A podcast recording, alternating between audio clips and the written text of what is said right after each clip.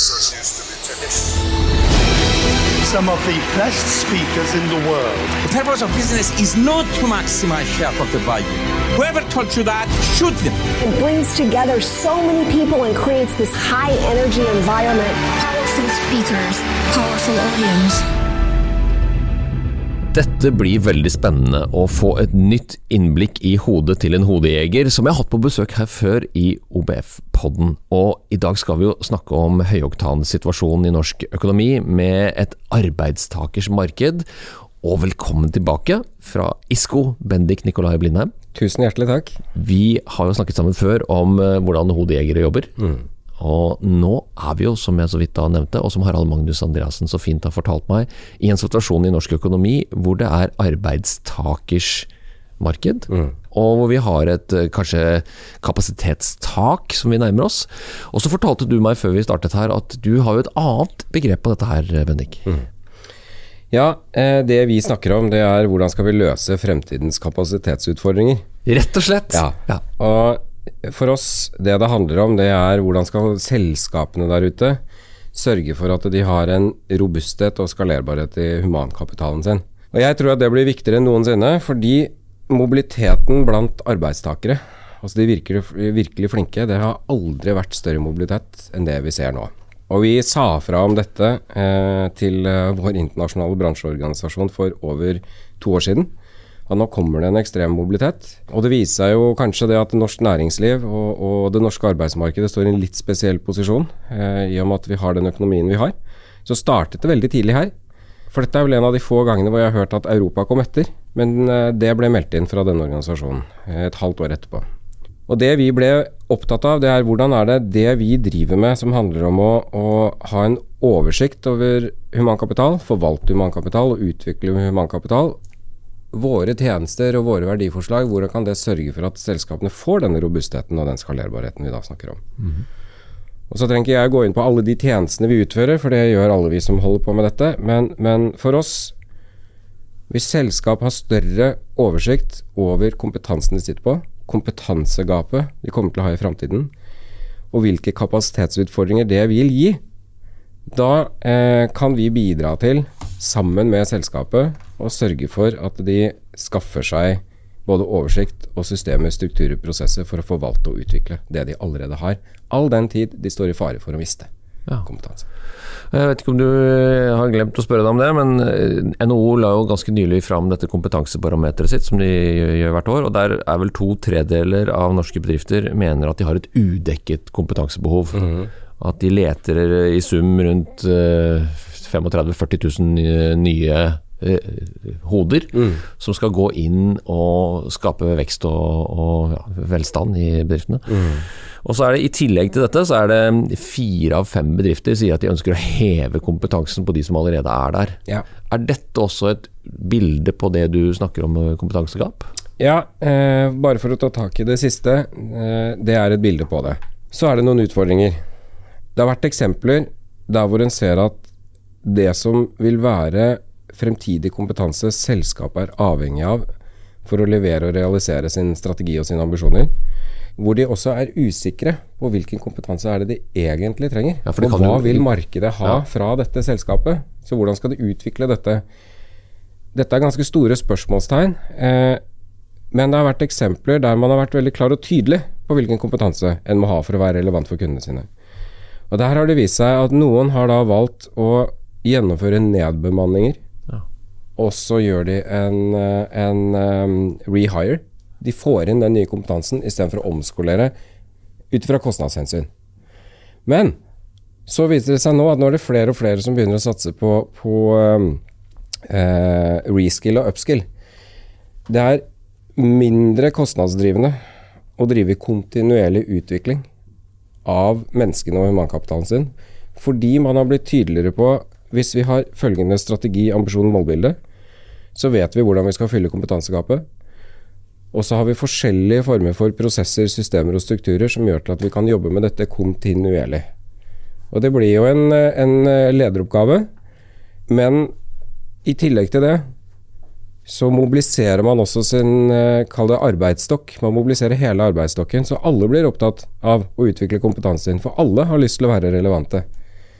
Og alle har lyst til å være med på å dra ambisjonen og få et eierskap til hvordan dette selskapet da skal lykkes fremover i sitt eget kundemarked. Ja, og alternativet er jo mye verre. Hvis du ikke gir de ansatte muligheten til å forbedre seg, eller de, opp, de opplever vel også det, at de ikke blir satset på. Ja. Der har jeg en sånn liten Det er jo ikke min historie, men, og den er gjenfortalt, men jeg liker denne vandrehistorien. Det er jo Det er jo CFO-en som kommer til CEO-en sin, og så sier CFO-en det Du, hva om vi bruker så mye penger som vi gjør nå på å utvikle våre ansatte, og så slutter de? Og så sier CEO-en ja, hva om vi ikke gjør det, og de blir?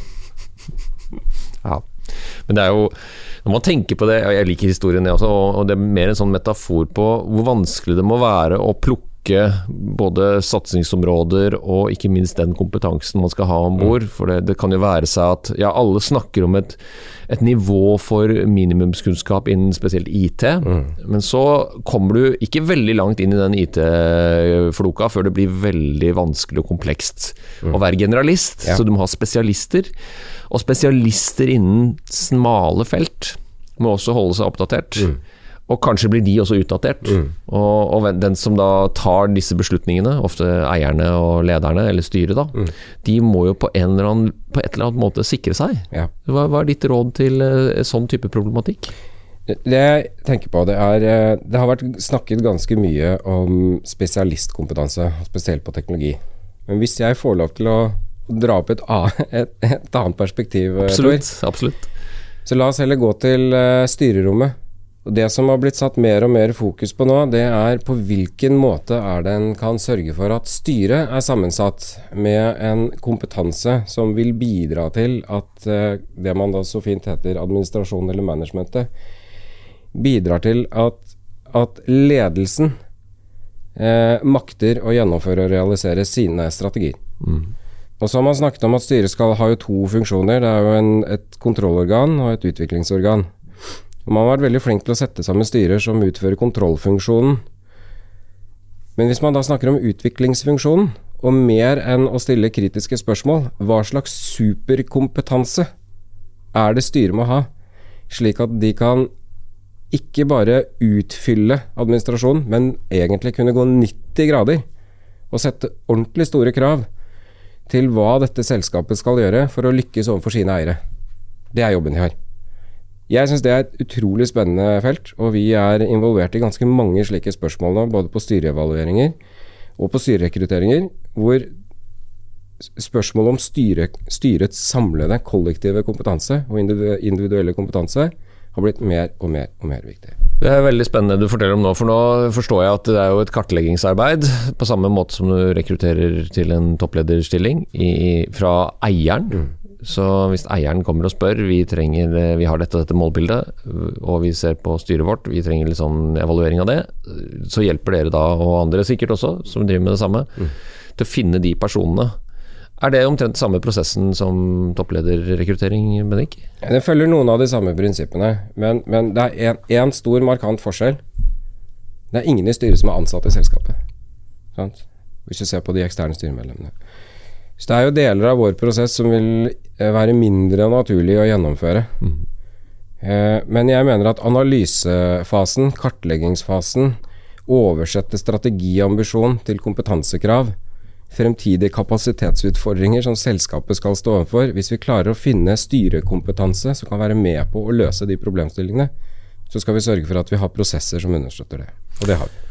Ja, Veldig bra og lærerikt, som alltid. når Jeg snakker med deg, Bendik. Det skal du virkelig ha. Jeg, jeg også lurer litt på, litt flåsete fra min side, så jeg ber om unnskyldning på forhånd. Eh, når man ser på hodejegerbransjen slik de har utviklet seg de siste kanskje 10-15 årene, så man jo, blir man litt sånn skeptisk og lurer litt på om det der, kanskje nå de siste årene, hvor flinke folk får flere henvendelser i uka, kanskje daglig, fra folk som vil nappe de ut av en rolle som de knapt nok har blitt eh, gode i, mm. fordi at det er mer lukrativt eh, på andre siden. Og Dette henger jo sammen med den der etterspørselen etter arbeidskraft, som er dokumentert dyktig. Mm.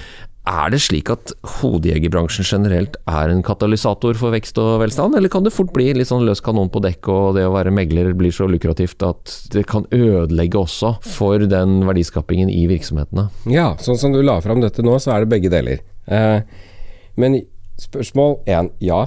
Vi er en katalysator for vekst og utvikling. Mm -hmm. Hvordan da? Og, og, det vi skal drive med, det er jo å avdekke kompetansepotensial.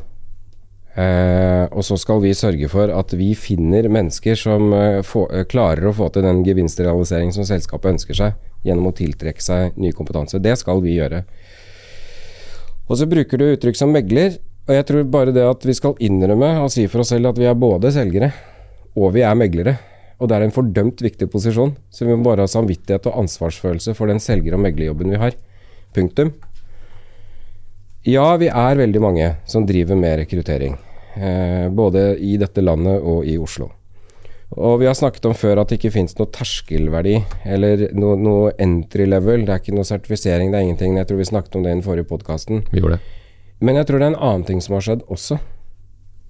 Og det er at eh, Nå må jeg begynne å passe meg, for jeg begynner å bli så gammel sjøl. Men, eh, men hvis jeg ser den forrige generasjonen av eh, hodejegere, som det så populært heter, der tror jeg det var en Dette tror jeg, jeg vet ikke. Jeg tror det var en litt annen holdning til å starte som hodejeger eller rekrutterer.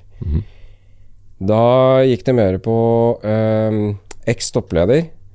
Eh, hadde en bunke med visittkort. Tenkte at nå skal jeg kapitalisere på nettverket mitt, osv. Jeg syns vi skal slutte å snakke om den. Jeg tror ikke det er så mange igjen av de.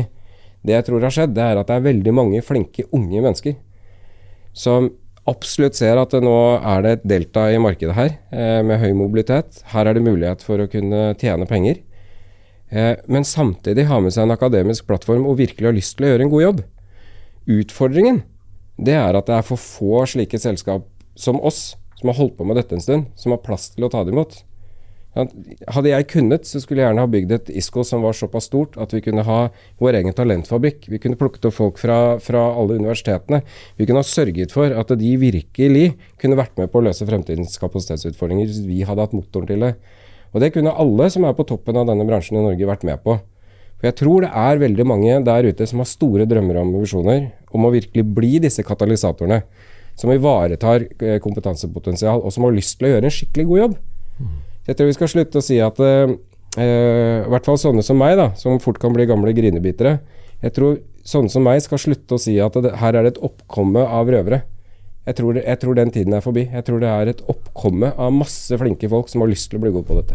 Ja, for det undergraver egentlig deres egen bransje og, og stolthet. Ja. Ja. det synes jeg det var veldig fint sagt. Og det er jo å løfte det opp på det der ansvarsnivået hvor det egentlig er. For én ting er den provisjonen man hører fra tid til annen at et, en hodejeger eller rekrutteringsprosess kan føre til.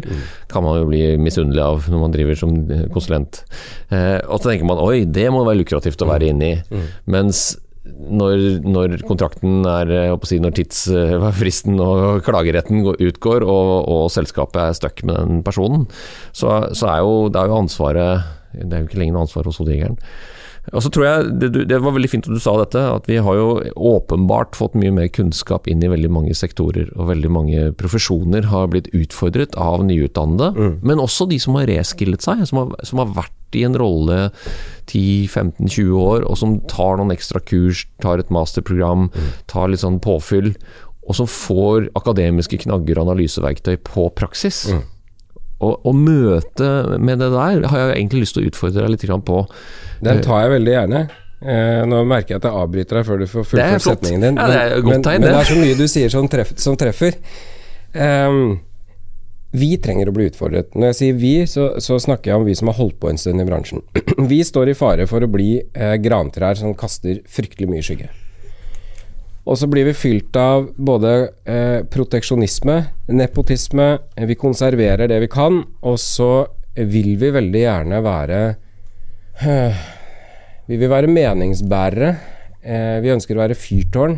Vi skal kunne og vite alt. Eh, og nesten opptre som, som en eller annen form for orakel. Eh, og så er det ikke så ille. Jeg spissformulerer nå. Men, men, men tenk om noe av det stemmer, Tor. Og tenk om vi blir opplevd sånn. Persepsjonen av oss er sånn. Da tenker jeg at hvis vi skal lykkes med å løse fremtidens kapasitetsutfordringer i vår egen bransje, og finne ut av hva skal til for at vi klarer å utvikle rekrutteringsfaget og rekrutteringsbransjen til å bli så profesjonelle som vi selv mener at vi er, ja, da må vi kanskje ta et litt annet ansvar. Vi som sitter som ledere i denne bransjen. Da må vi begynne å tenke på talentutvikling, kompetanseutvikling. Eh, da må vi drive med å ha oversikt og forvalte og utvikle kunnskap og kompetanse i vår egen bransje. For vi vil jo at dette faget eh, skal oppleves som, som superprofesjonelt. Og vi skal være relevante fra nå og lang tid framover. Eh, så får vi se hva slags utvikling som skjer i bransjen, men vi må henge med på den. Men det er ikke jeg som kommer til å stå der om 15 år og har kjørt hele utviklingen i bransjen. Det er de som eh, kommer fra undersiden. Altså, min jobb det handler om å forvalte all den kompetansen og det engasjementet og de ambisjonene som ligger der, og sørge for at eh, disse blir tatt med videre. Og da kan ikke jeg stå og kaste skygge. Da jeg var liten gutt, så det, bodde jeg ikke så langt unna en planteskole.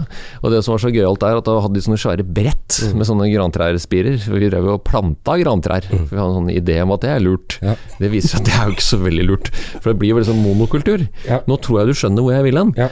Er det rom for å plante andre ting? Eh, de store grantrærne kan de kanskje fø opp noe annet. Og dette er en analogi til det jeg ser i eiendomsmeglerbransjen, bare sett utenfra. Mm. Altså, de kopierer seg selv mm. til det parodiske. Altså, til slutt så ender du opp å ha de flotteste fasadene med de største bilene parkert utenfor. Ja. Det er jo bare rett og slett et uttrykk for at vi må show-offe mm. det som vi opplever som verdiøkningen. Mm. Mens kunnskapen du skal forvalte, mm. overlevere til de andre grantrærne, da mm. Er det noe her nå som eh, Vi kommer snart innom et veldig spennende tema, så jeg skal ikke foregripe det for mye. Men er det noen andre ting som plantes i denne skogen av, eh, av eh, hva skal vi kalle det, kapasitetsutfordringsløserne? Og hva er i så fall det? Hypotesen eh, er jo selvfølgelig ja. Eh, hva det er for noe, den er jeg veldig usikker på. Men må vi ta den analysen, da? Ja. Eh, vi tar gap-analysen på, ja. på oss sjæl. Det jeg tenker, da, det er Det er såpass mange eh, både trender og megatrender eh, som vi må begynne å være opptatt av. Mm -hmm. Og så kan vi se på mangfold og inkludering som en av de. Vi kan se på hele ESG-området som en annen av de. Og så kan vi trekke analogien Hvor skal jeg trekke den, da? Trekk den inn til eh, eiendom og bolig. Boligutvikling. Eh, der er det slik at man har blitt mer og mer opptatt av sluttkjøper. Altså du som kjøper leilighet eller bolig. Mm. Og da er det slik at nå kommer du til å bli opptatt av at dette skal være svanemerket eller bygges i en Bream-standard. Og det vet også de som skal bygge hele dette bygget, at hvis de i det hele tatt skal få eh, tilslag fra en byggherre, så må de kunne vise fram at vi kjører etter noen standarder og sertifiseringer, fordi vi vet at din kunde kommer til å være opptatt av dette. Ja, Og banken som skal låne penger til, til uh, entreprenøren. Ja, og så skal de utvikle bygulvet. Mm. For dette, dette, skal jo eh, være et rom som folk har lyst til å oppholde seg i. Så kommer det en annen trend, og det er ensomhet og uh, utenforskap. Og hvordan kan disse boligutviklerne løse et stort samfunnsproblem? Nå tror jeg du skjønner bildet mitt. Det er så mange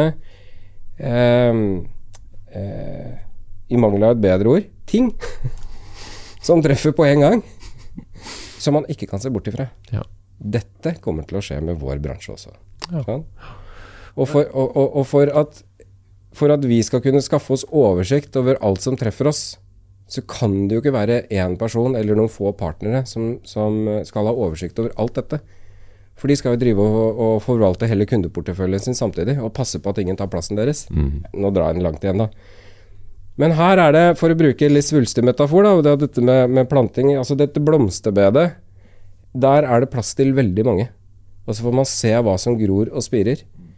Og noe av det kommer helt sikkert til å vokse seg stort, fint og flott og bli veldig viktig.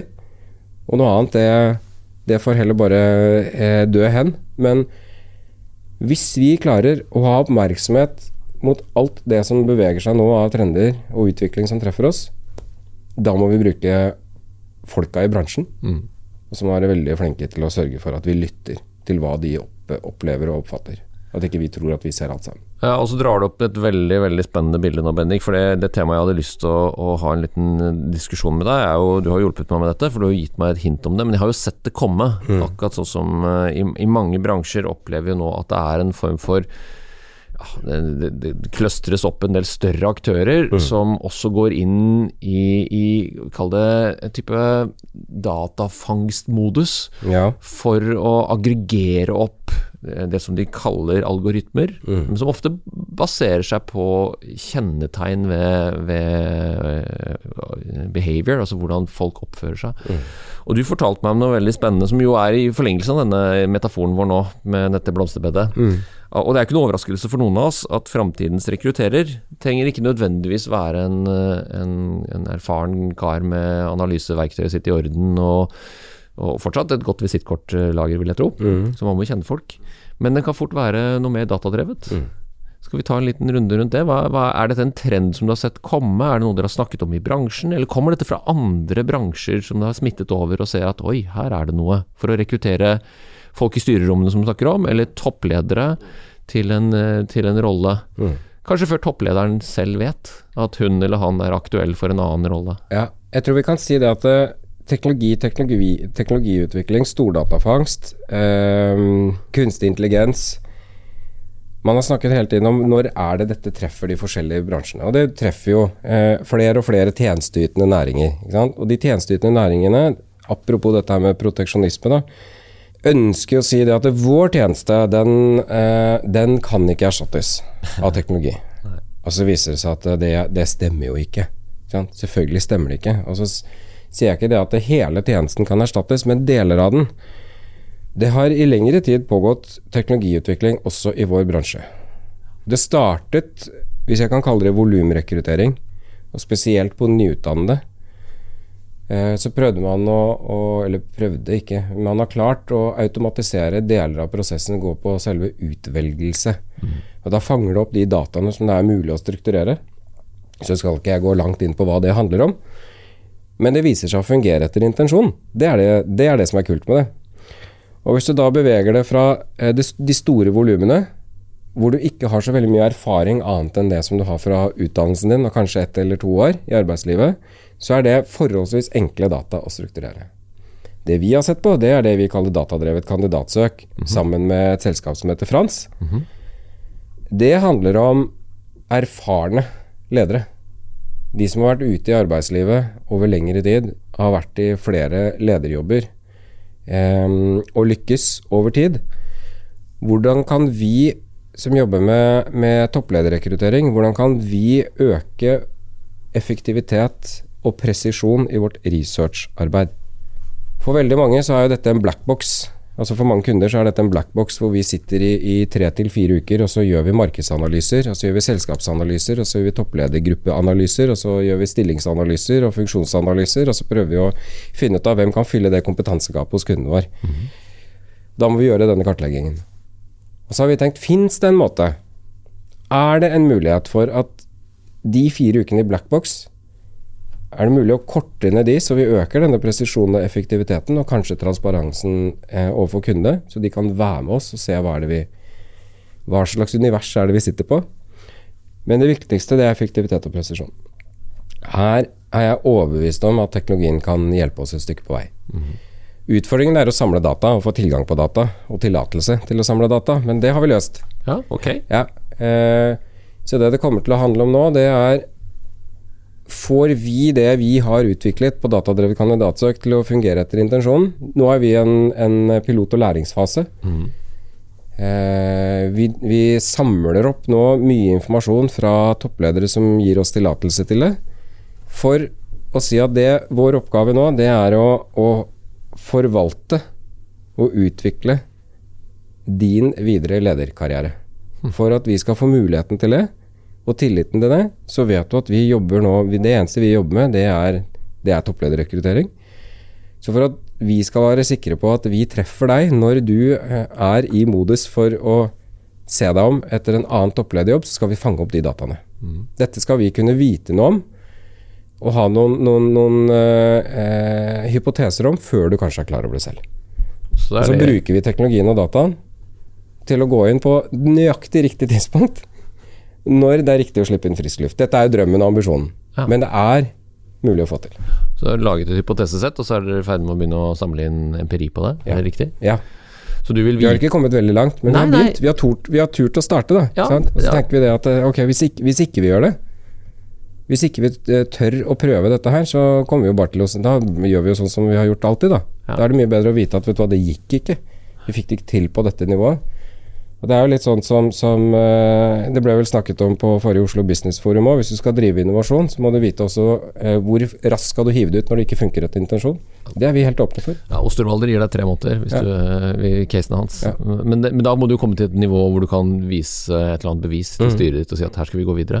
Og Jeg blir jo litt nå nysgjerrig, Bendik, for at vi har jo lest mange ganger om, og jeg har undervist i det selv også faktisk, om at Google og disse plattformene, LinkedIn sikkert også, samler behavior data, og, og derigjennom selger eh, informasjon om meg ut ifra hva jeg søker på. Fordi at det kan være noen ganger at man er mer attraktiv enn i andre eh, det, faser i livet. Er det da slik for å forstå at en toppleder eh, Vanskelig for meg å, å forestille meg hvordan det er, men når topplederen plutselig begynner å søke litt på andre ting, eller gjør, gjør noe uten at kanskje vedkommende har sagt det til noen andre i hele verden, så kan i teorien denne algoritmen fange opp det. Er det ja. riktig? Ja da. Men så må man ha en sånn fingerspitzgefühlen på når man begynner å sende en eh, push-varsel på Hei, hei, Bendik fra Isco her. Ja. Det er jo ikke så bra. Nei, det er ikke så bra. Jeg tror ikke vi skal komme som en sånn, sånn sånn. Tinder-pop-up med en eller annen match, for nå har du vist et eller annet du liker. Vi skal ikke inn i det der. Men det, du, du, av, du avslører litt av hva som ligger bak. Um, det, er gjort, det, er gjort, det er gjort noen undersøkelser uh, på hvor lenge er det toppledere gjerne sitter i rollen til de har en peak, og hvor de har levert de resultatmålene som de har satt til å levere. ja, en slags påvirkningstopp. Ja, det er en slags påvirkningstopp. Det sies det at uh, dette er jo en undersøkelse som var gjort i USA for ganske mange år siden. Men um, Og så kan vi sikkert uh, kanskje senere snakke om litt om hvordan den utviklet seg, men la oss ta tak i det som var da. Da var det en tenure på en CEO omtrent syv år. Da hadde du, på de syv årene, så hadde du da levert det beste av det du kunne, og, og de sterkeste resultatene, og så går kurven nedover igjen. Dette er jo gøy. Det er like lang tid som, eh, som cellene byttes i kroppen vår, vet du. Det er Ja. ca. syv år. Ja, og den der regenereringen vi snakker om der, det kan jo ha en sammenheng, men det kan være en annen podkast. så, så hvis det da er slik, hypotesen er Omtrent når du er på syv år, så øh, i den gamle verden, så var det kanskje på tide å orientere seg etter noe nytt. Ja. Det trenger man ikke data for. Da trenger man egentlig bare steingod oppfølging og gode systemer, og så vet du at når du sitter her i syv år, så tar du kontakt. Og så sier vi Hva hvis dette ikke stemmer lenger? Nettopp. Hvordan kan vi fange opp både et selskaps resultat, altså resultatmål og, og, og, og hvorvidt de treffer på targets? Hvordan kan vi fange opp når denne CEO-en eller CXO-en begynner å orientere seg om noe annet? Altså Vi ser at her har det vært en god resultatutvikling, og så ser vi at nå begynner vedkommende, bare for å ta et eksempel, eh, å lese eh, artikler som ikke handler om egen bransje og egen virksomhet eh, leser om andre former for roller eller type ansvar, eh, går helt ut av fossilt og begynner å orientere seg mot ESG. Da. Hva om vi klarer å fange opp det?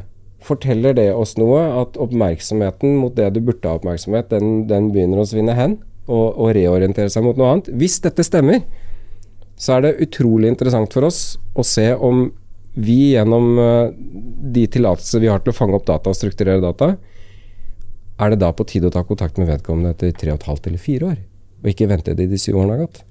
Kanskje vi da kan være katalysatorer for vekst og utvikling fordi vi ivaretar det mennesket, den topplederen, når den er på sitt beste og har lyst til å gjøre det samme igjen. Det kan også være det beste for selskapet vedkommende jobber i. For hvis det er slik at en tenor går fra syv til fire år, så er det tre år med mindre gode resultater som noen andre burde ha fått muligheten til å ta ansvar for. Så her ser du, det er, det er en kompleksitet i dette, men, men vi kommer ikke unna at det er en kompleksitet, så hvordan trenge gjennom? Vet du om det er gjort noen lignende studier på norsk næringsliv? Altså, vi er jo ikke så mange toppledere i store norske virksomheter. Og en god del av de også eid av enten staten eller familier. Så der skjer det noe annet. Der er jo ikke utvelgelsen Jeg kjenner ikke til noen slike eh, undersøkelser. Vi burde jo utfordre Ja. våre, de, de fagfolkene vi kjenner, Mm. både du og jeg, og du som hører på her også, til at dette er jo et felt å se inn i. Og særlig i, i lys av det du sier, at på dette feltet her, så har jo Norge ledet an. Mm. Og da hadde det vært veldig spennende å kontekstualisert det, og se om det, om det stemmer. Og jeg tror sånn som det i hvert fall har vært fram til nå, så har det vært, en, det har vært veldig høy oktan.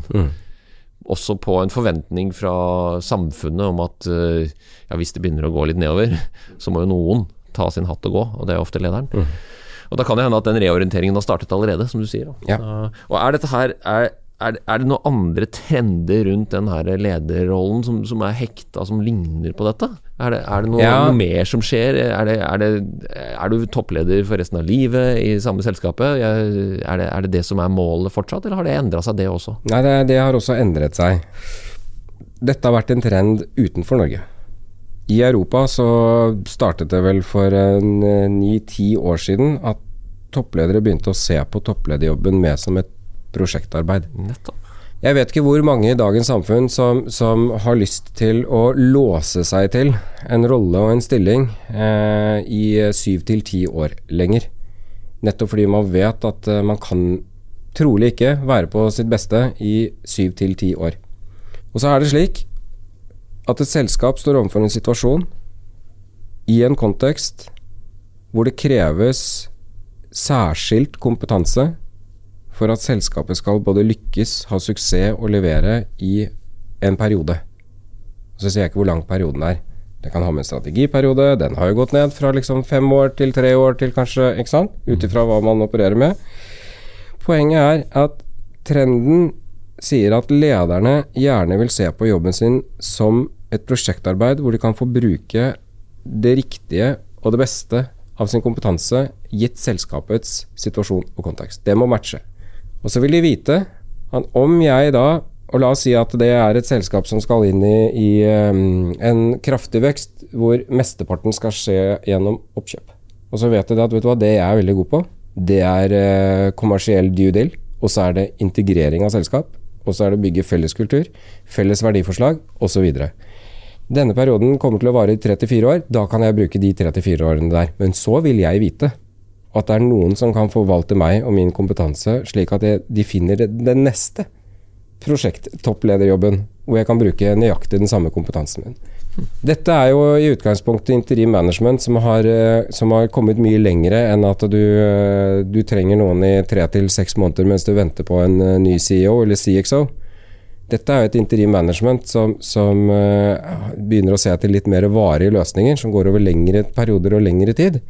Nettopp fordi at selskapene trenger en spisskompetanse i en viss periode.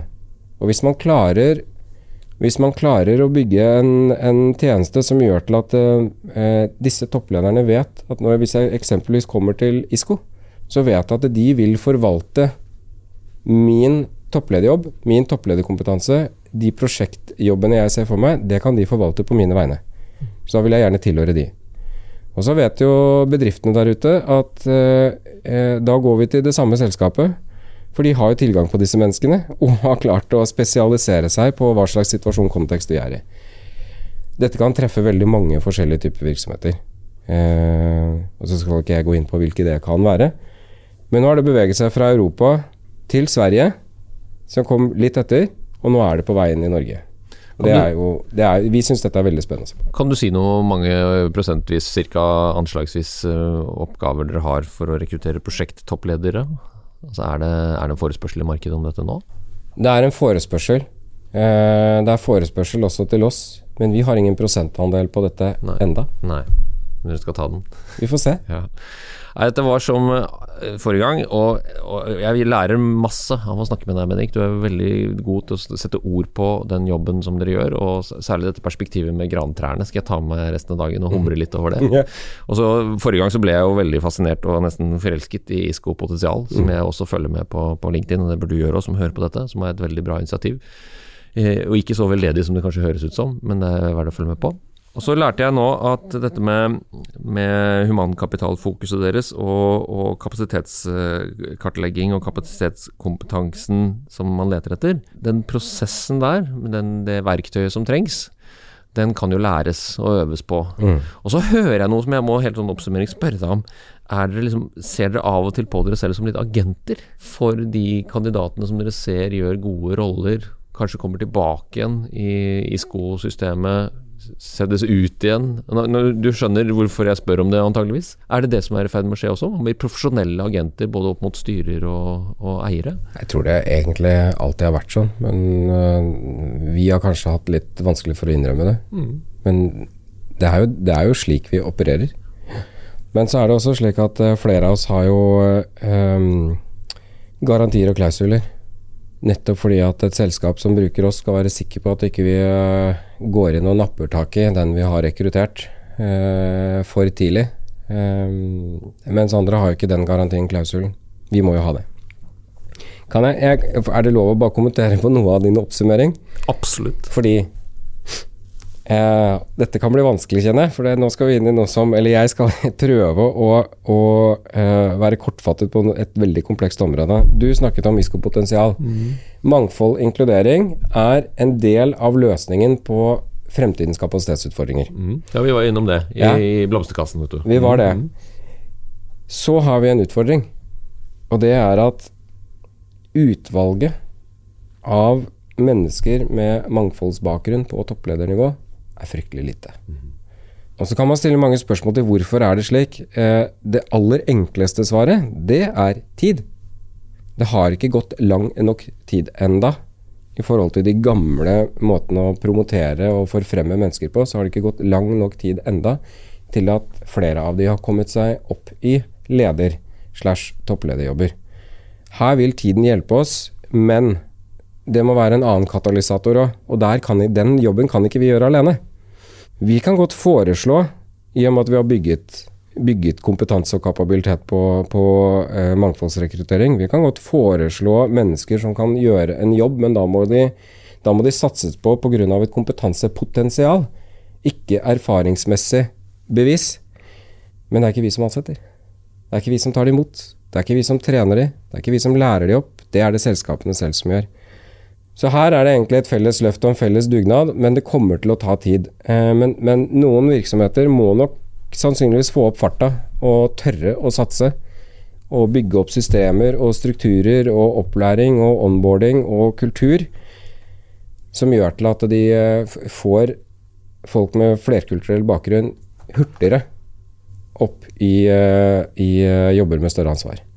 Jeg syns du klarte deg veldig bra. Det var veldig kortfattet faktisk på et veldig komplekst uh, område. Og den mottakskompetansen kommer jo for hver kandidat. Og for hvert selskap som ser at ikke bare dette var helt ufarlig, det var faktisk veldig bra. Så det, det er helt riktig det du sier. Det er tid. Og denne tiden er nå eh, ute for vår herlige prat. Ja. Vi forhåpentligvis snakkes snart igjen om det datadrevne kandidatsøket, som jeg gleder meg til å følge med på. Eh, og vi må bare følge med på hva ISKO eh, velger å kommunisere fra fyrtårnet sitt, da. Eller grantreet. Uff da. Eh, Men jeg ble veldig glad for metaforene dine. Ja. Takk for dine kloke betraktninger og delingen, Bendik. Tusen takk for at du ville invitere meg igjen. Veldig hyggelig å være her. Takk. Hvis du likte denne podkasten, hadde vi satt utrolig stor pris på om du abonnerte og gir oss en tilbakemelding i avspilleren. Some of the best speakers in the world. The purpose of business is not to maximize shareholder value. Whoever told you that, shoot them. It brings together so many people and creates this high energy environment. Powerful speakers, powerful audience.